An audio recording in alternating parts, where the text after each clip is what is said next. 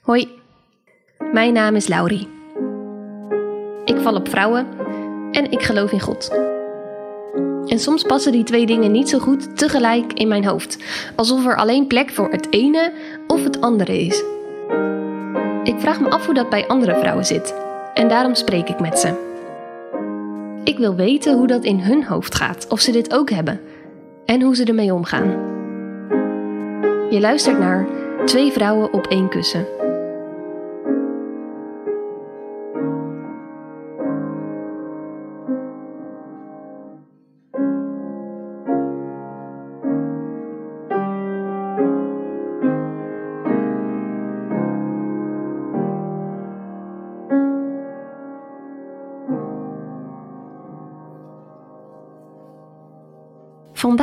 Ben ik bij Rianne.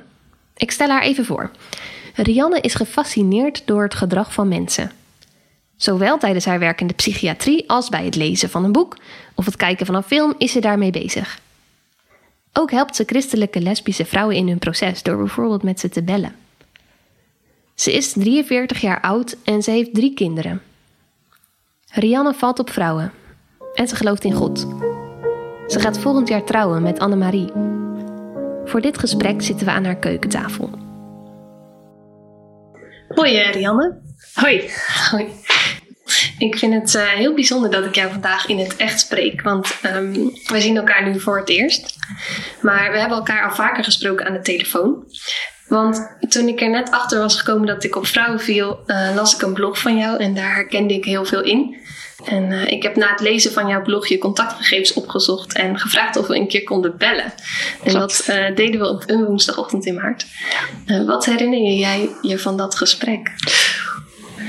Um, nou ja, um, vooral eigenlijk jouw wanhoop. Eigenlijk dat je, um, dat je klem zat tussen twee werelden.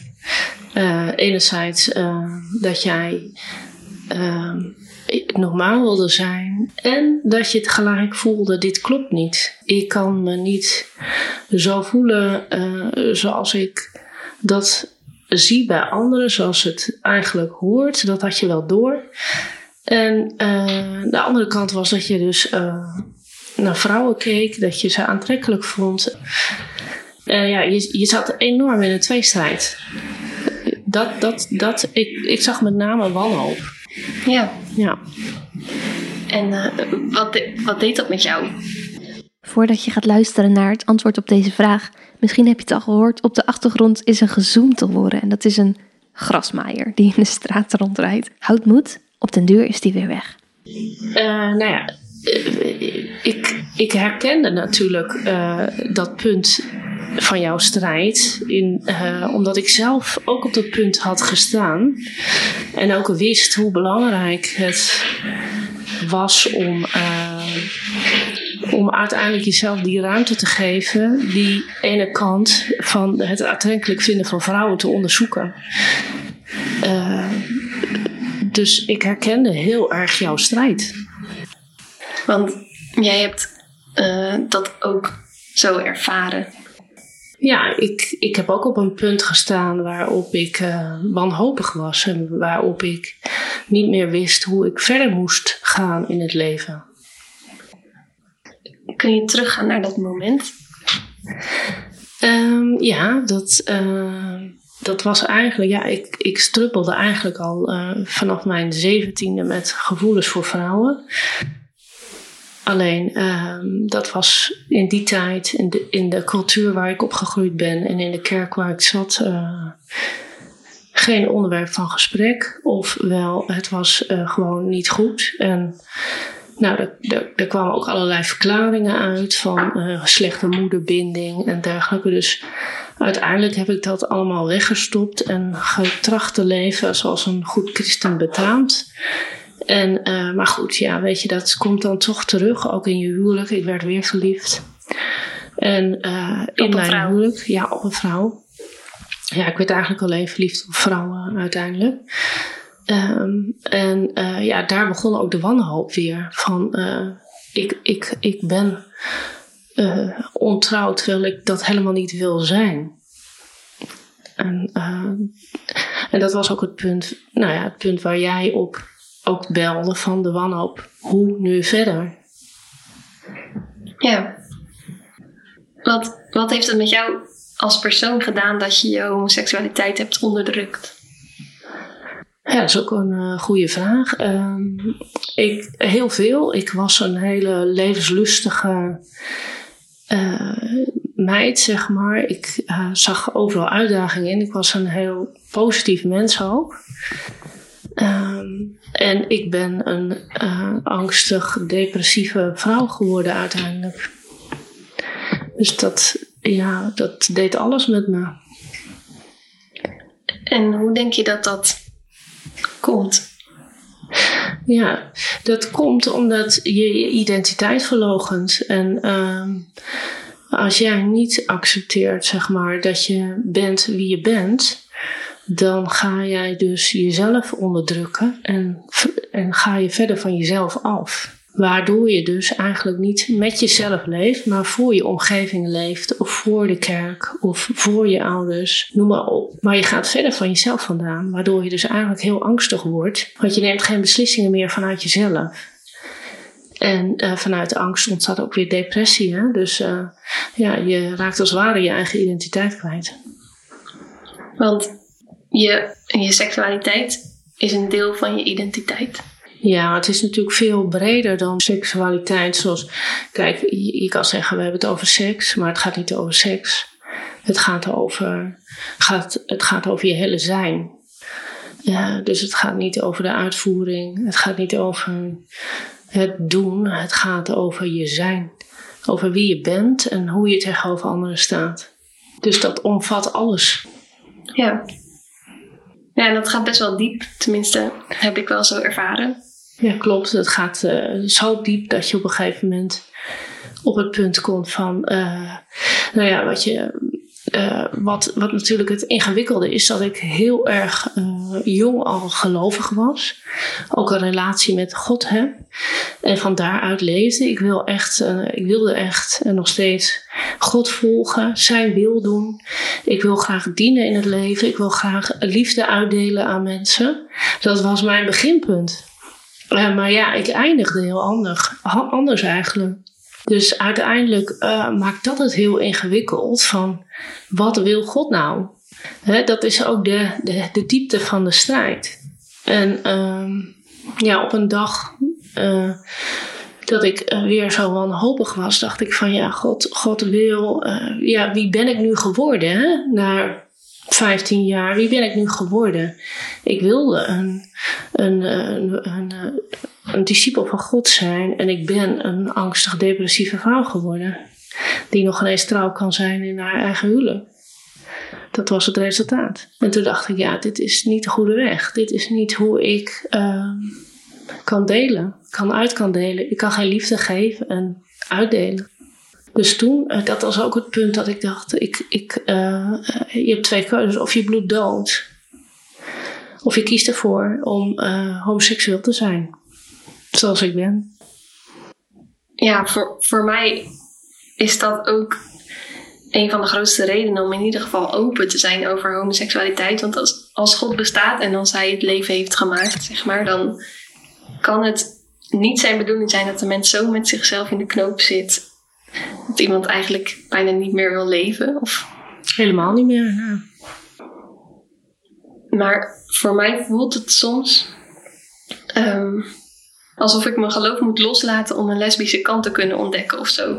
Bijvoorbeeld als ik een date met een vrouw heb, dan voelt het gewoon raar om daarvoor te bidden of zo. Maar het, het lijkt gewoon steeds niet in mijn hoofd te passen tegelijkertijd. Um, jij hebt een vriendin. Klopt, ja. Ja, hoe, hoe is dat nu voor jou?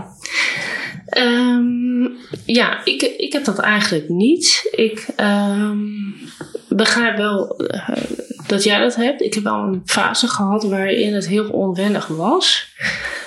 En ik uh, wijt dat eigenlijk aan het feit dat je altijd heel anders geleefd hebt. En ook uh, is het niet echt normaal. Hè? Dus, dus voor jezelf is dat ook niet echt normaal.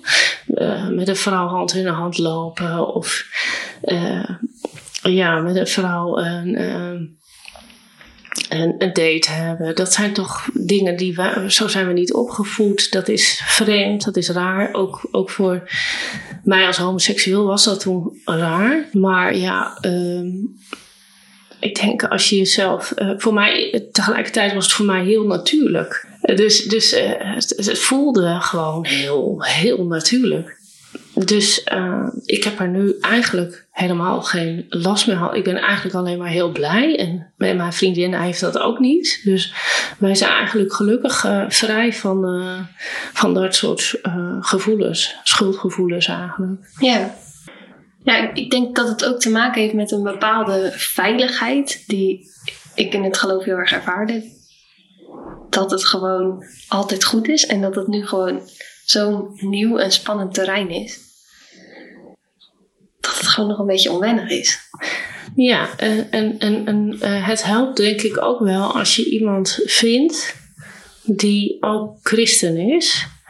Want je kan dan wel samen, uh, zeg maar, andere kaders scheppen. Dat geeft ook veiligheid, zeg maar. Hoe bedoel je dat? Ja, nou, dat. Um, zeg maar, ik denk dat het als homoseksueel best wel soms als vogelvrij voelt. Zoiets spannend, nieuw. Het is niet veilig en geborgen. We weten hoe ons oude leven is: gezin, huisje, boompje, beestje, kinderen. Maar wat kom je tegen als homoseksueel? Welke toekomst heb je dan? En dat is natuurlijk heel lastig. Nou, er zijn natuurlijk veel minder kaders voor, je, voor ons als homoseksuelen geschapen in, in de maatschappij. Hè? Alles is gebaseerd op hetero's. Uh, dat is gewoon in het algemeen zo, maar ook zeker in de kerken zo. Dus uh, het voelt denk ik ook onveiliger, omdat je niet weet. Je moet eigenlijk zelf de kaders gaan scheppen. En het helpt als je een vriendin hebt die dezelfde kaders hebt als jij, want dan kun je je eigen veiligheid en eigen kaders gaan neerzetten.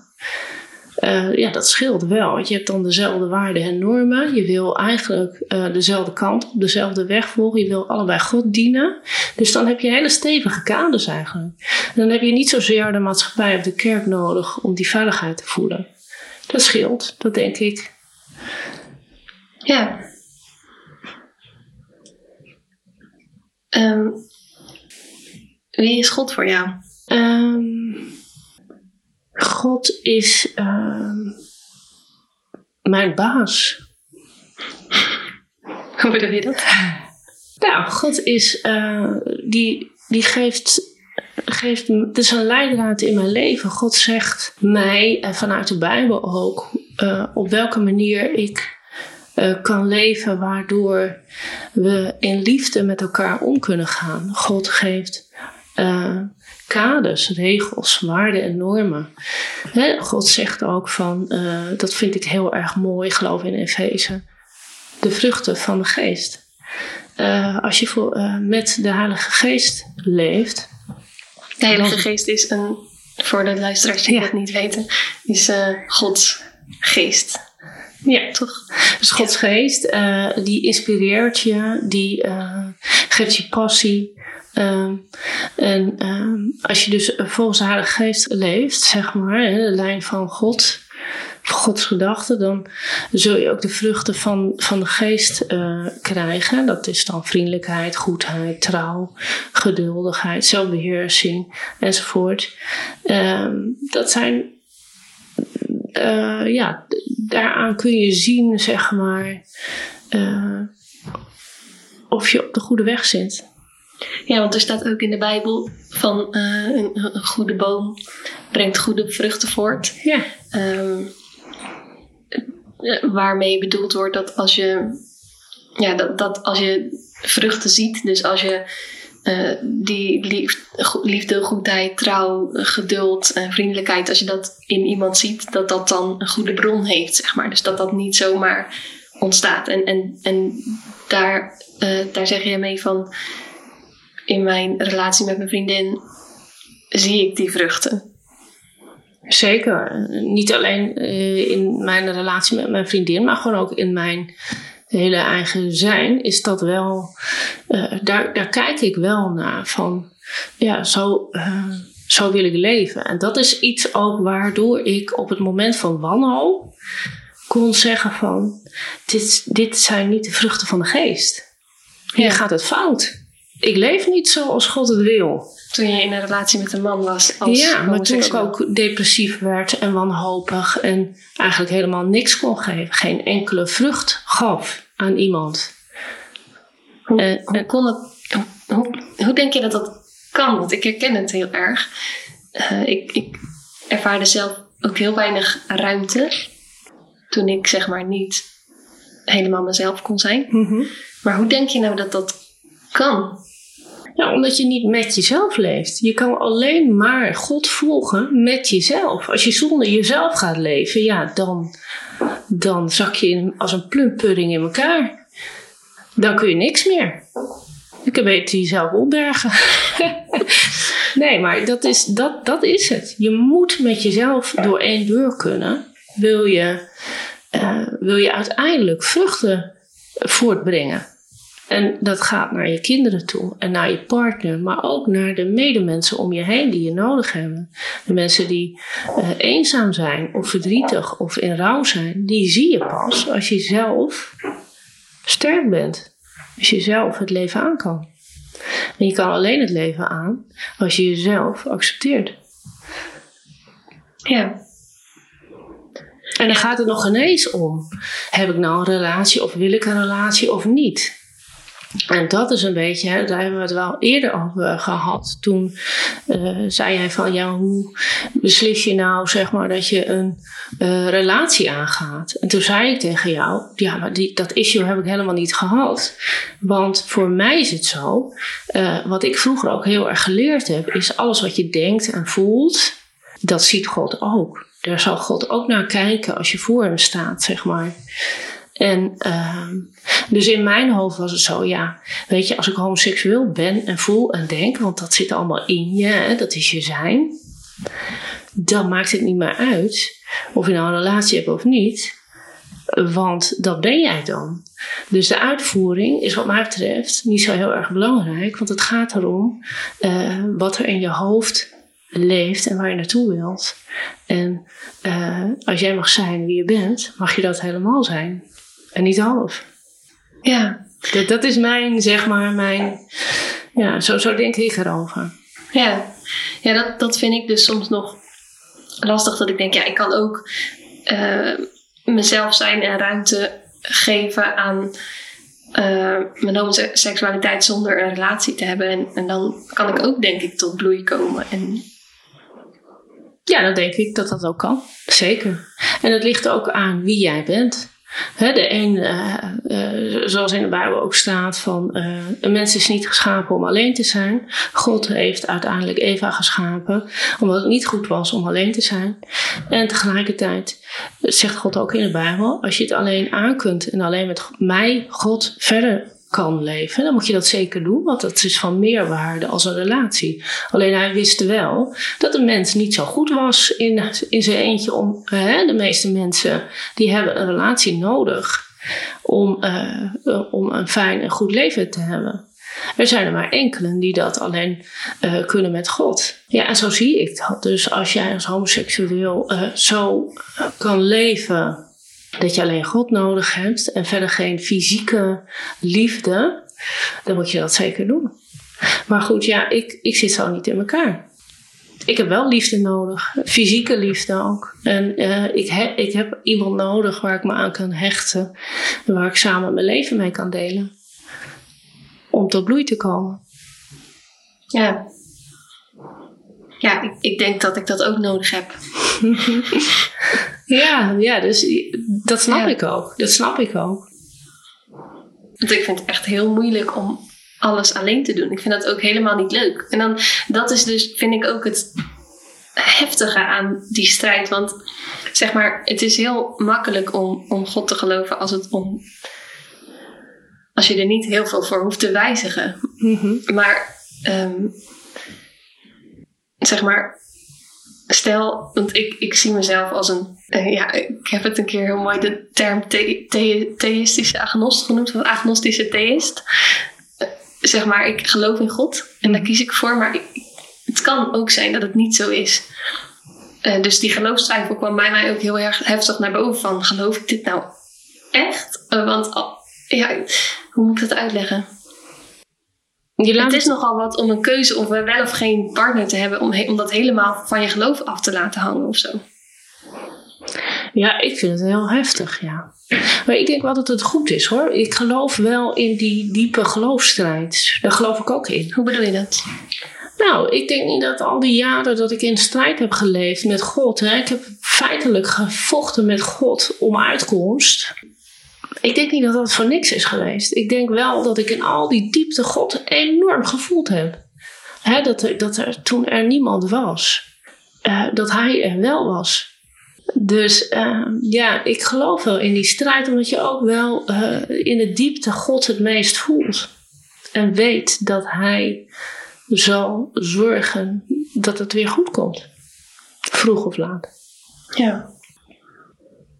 Ja, ik heb dat zelf ook zo ervaren dat ik wel gevochten heb met God en echt een soort van ook gewoon boos ben geweest en oog Ja. in oog heb gezegd van Ja. Why? ja, Ja. ja, Ja, ja dat, dat, dat, dat is ook zo. Dat eh, herken ik, ja. is jouw beeld van God veranderd? Nee, voor God is... Ja, dat is heel gek om te zeggen, maar het was door eh, alles heen, zeg maar. Door, door, door, door de visie van maatschappij, kerk, cultuur en opvoeding. Is voor mij God altijd hetzelfde geweest. Dus ja, dat is wel heel mooi, hè? Ja, Zo'n goed einde. Ja. Goed begin ook. want hoe, hoe is hij dan? Eh, ja, God is voor mij. ehm, ja, het is altijd moeilijk in woorden uit te drukken, hè, maar. ehm, ja, het is, ik denk dat de, relatie die je hebt met je, met je partner wel een kleine weerspiegeling is van wie God voor jou eh, kan zijn. Onvoorwaardelijk.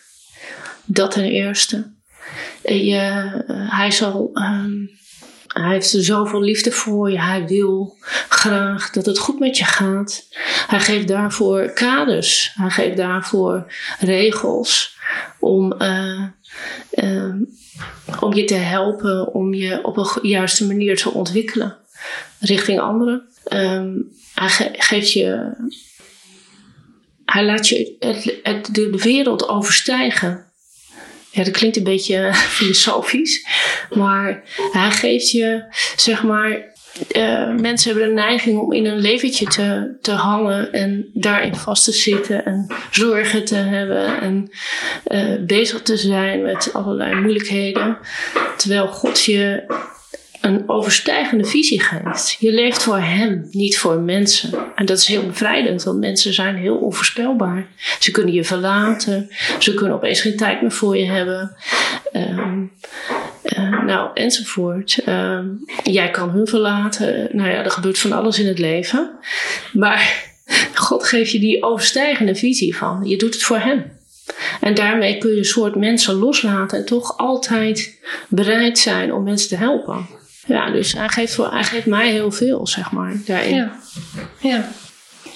Dit is een vraag waar je misschien geen antwoord op hebt. Ehm, maar ik vind het wel een interessante vraag. Denk jij dat God jou en mij lesbisch gemaakt heeft? Ja, dat is ook een goede vraag. Ehm, nee, ik denk niet dat dat zijn bedoeling is geweest. Nee? Nee, dat is verbaasd je. Ja, ik ben verbaasd. Ja. Nee, dat denk ik niet. Ik denk wel dat. eh, ik ga uit van, van wat er in de Bijbel staat: dat eh, God man en vrouw geschapen heeft. Ik ga uit van het. eh, van het traditionele beeld. Hè? De man die heeft meer spieren, is sterker, is beschermend, kan veiligheid geven. Een man heeft specifieke eigenschappen en een vrouw ook, wat elkaar goed aanvult. Eh, daar ga ik vanuit. Eh, zo staat het ook in de Bijbel, denk ik. Ik denk door de evolutie, eh, dat het, en door de zondeval en door het feit dat wij onze eigen gang zijn gegaan eigenlijk, dat het leven anders is gelopen en dat wij ook anders geworden zijn. Daar ga ik vanuit. Gebrokenheid is het in wezen. Eh, terwijl ik het nu niet meer als gebrokenheid voel. Maar dat ik, nee, want ik ben wel blij met mezelf. en met mijn partner. En, eh, ben blij dat, het, dat ik uh, weer levensvreugde heb.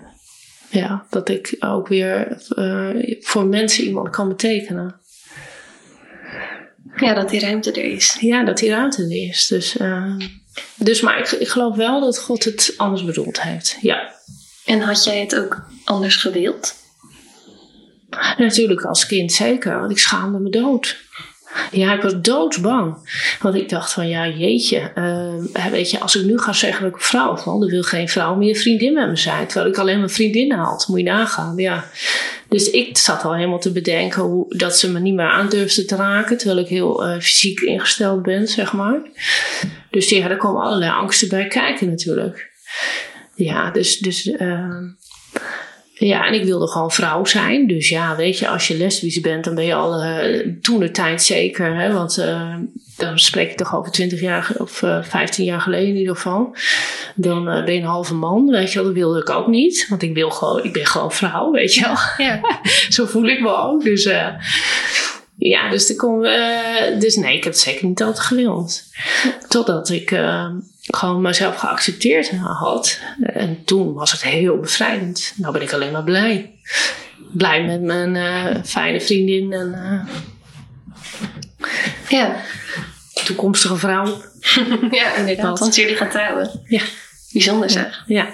vind ik zelf ook heel mooi. Dankjewel voor dit mooie gesprek.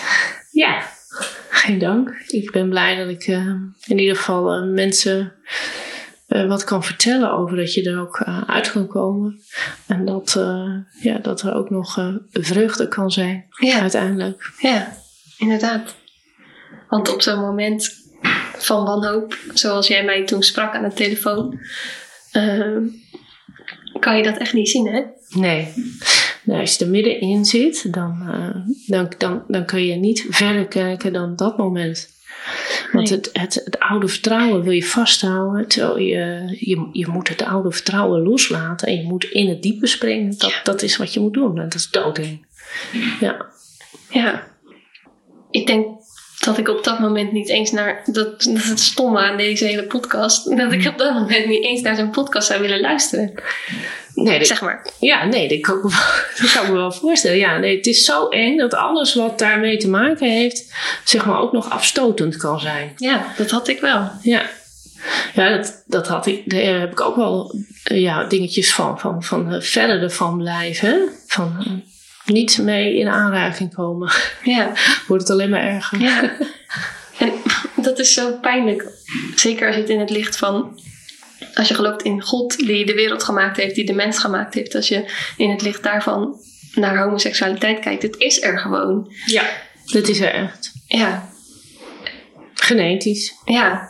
En het zou zoveel schelen als we in ieder geval, en dan heb ik het nog niet eens over of je nou homoseksualiteit moet praktiseren, zoals dat dan zo mooi heet, maar als het in ieder geval bespreekbaar is en als het er mag zijn, zou dat al zoveel ruimte geven. Want dat zou mij al heel veel jaren van ja, heel veel denkruimte in mijn hoofd hebben gescheeld, zeg maar. Ja. ja, klopt. Dat is wel iets wat, wat we mee kunnen geven, inderdaad. Het gaat niet om een relatie hebben of niet. Dat, dat is pas later aan de orde. Het gaat erom mensen geef, geef ons als homoseksuelen de ruimte om zelf te ontdekken hoe we ermee om moeten gaan. En dat betekent eigenlijk niet invullen hoe ik mijn leven in moet delen niet zeggen dit is fout en dit is goed, want daarmee kom je, komen wij helemaal klem te zitten. Hoe bedoel je dat? Nou, als je bij, als, als, als, uh, christenen al zeggen dit is fout, dan heb je geen ruimte meer om te ontdekken of jij dat zelf, of, of, of, of dat zo is of niet. Je hebt geen... eigenlijk al een keuze voor je gemaakt, je bent niet vrij. Klopt, ja. ja. En daarmee begint ook de angst. Kun je ook niet meer ontwikkelen. Ja. Dus, maar als je de ruimte geeft, dan kan iemand zelf ontdekken wie die is, zonder dat hij bang hoeft te zijn dat hij niet goed genoeg is, dat het fout is, dat hij eigenlijk niet levenswaardig is. En als hij dan sterk genoeg is, kan hij zelf een keuze maken van, uh, ja, hoe ga ik er verder mee om in het leven? Ja. En dan ga je het hebben over een partner, een kinderen, hoe doe je dat? Uh, hoe ga ik mijn leven indelen? Ja. Maar daarmee voorkom je wel heel veel zelfmoord. Hè? Want we weten allemaal dat het zelfmoordgehalte onder homoseksuele christenen veel hoger ligt. En, uh, maar echt dan, veel hoger ja, is dat, ja. Ja, dan gemiddeld.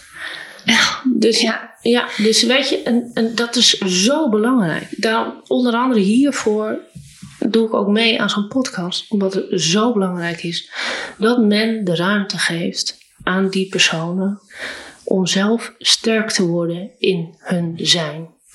En van daaruit kunnen we prima de discussie aan, zou ik zeggen. Ja. Jonge homoseksuele christenen moeten in ieder geval, of moeten, het zou zo mooi zijn als, als de ruimte in ieder geval is om voor jezelf al te, gewoon te durven zeggen, oh ja, dat is bij mij zo, in plaats van dat het zo groot is. Ja. Klopt, ja. Ja, ja. Geef, inderdaad, maak het niet zo groot. Laat die, laat die jongeren zoeken. Geef ze de ruimte. Ze, mogen ze het maar zeggen gewoon. Zonder dat ze veroordeeld worden. Zonder dat ze raar aangekeken worden. Ja. dat, dat hoop ik. Ja. Want uh, dat is voor mijzelf in ieder geval een gedachte die ik nu heel erg kan zeggen. God is een God van leven. God wil dat we leven. Anders had hij ons niet gemaakt. Dus um, zou, het is verschrikkelijk dat er zoveel mensen rondlopen met eigenlijk het gevoel dat ze er niet willen zijn. Ja, klopt. Dat is verschrikkelijk.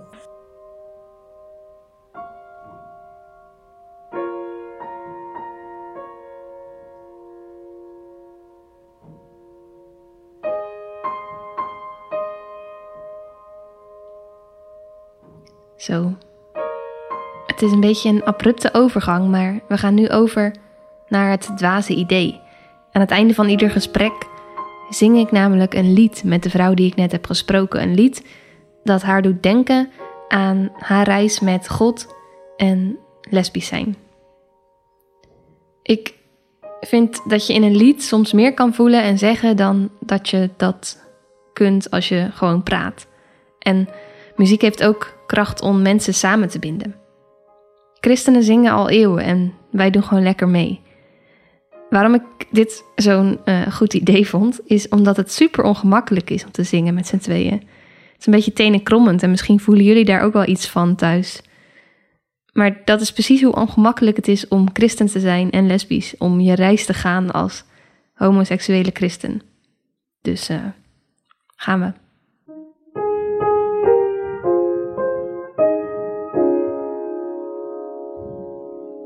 Je hebt een lied gekozen. Welk lied is dat? Ja, um, een beetje een ouderwets lied voor deze tijd. Maar welke vriend is onze Jezus? Oké. Okay. Nou, dan uh, gaan we die zingen. Zijn wij zwak belast. Zijn wij zwak belast, belast. En neergedrukt door zon. En neergedrukt door zon. Dierbare heiland onze toevlucht. heiland onze toevlucht. Onze hulp en borg. Als soms vrienden ons verlaten. Soms vrienden ons. Gaan wij bidden tot de Heer. wij bidden tot de Heer. In zijn armen zijn wij veilig. In zijn armen zijn wij veilig. Hij verlaat ons nimmer meer. Wauw. Zangtalentjes. Doe we nog een keer. Leuk. Uh, waarom heb je dit lied gekozen? Ja, um, nou, dit lied is me eigenlijk al die jaren is me met me meegegaan. Eigenlijk um, vooral de zin als soms vrienden ons verlaten. En dat ja, vind ik echt een heel mooi stuk van dit lied. En ook dat zwak belast beladen, hè, dat, dat was ik op een gegeven moment. Ik was zwak. Ik was belast met van alles. Ik was beladen. Ik kon niet vrij zijn. Als soms vrienden ons verlaten, dat heeft me altijd enorm geraakt, omdat dat ook zo is. En dat betekent niet uh, dat mensen zeggen van ik hoef niks meer met je te maken te hebben. Dat is eigenlijk twee delen. Enerzijds, mensen wisten niet hoe ze ermee om moesten gaan. Er was gewoon nog heel weinig bekend over. En het was raar en vreemd. En, uh, dus dat zorgt ervoor dat mensen op een afstand blijven. En uh, aan de tweede kant is als iemand uh, psychisch angstig en depressief is, daar weten mensen ook niet mee om te gaan. Dus je gaat mensen verliezen. Ook als je keuzes gaat maken, ga je mensen verliezen. Maar voornamelijk die in die strijd ben je heel eenzaam en heel alleen. En zijn er gewoon niet veel mensen die jouw strijd kunnen volgen en met jou mee kunnen gaan in die strijd. Er zijn er enkeling. Ik heb een hele uh, goede vriendin die bijvoorbeeld heel veel met mij wandelde. En die in die strijd is gebleven. Maar dat was wel een sterke vrouw ook. Die, uh, ja, die zelf ook de, de diepte mee in durfde te gaan. Hè? Dat kan niet iedereen. Dus ik neem dat ook niemand kwalijk. Maar het is wel de strijd van het leven, weet je wel. Dat je, ja, vrienden gaan je verlaten. En God niet. God is er gewoon. Hij was voor mij veilig. In zijn armen was ik veilig.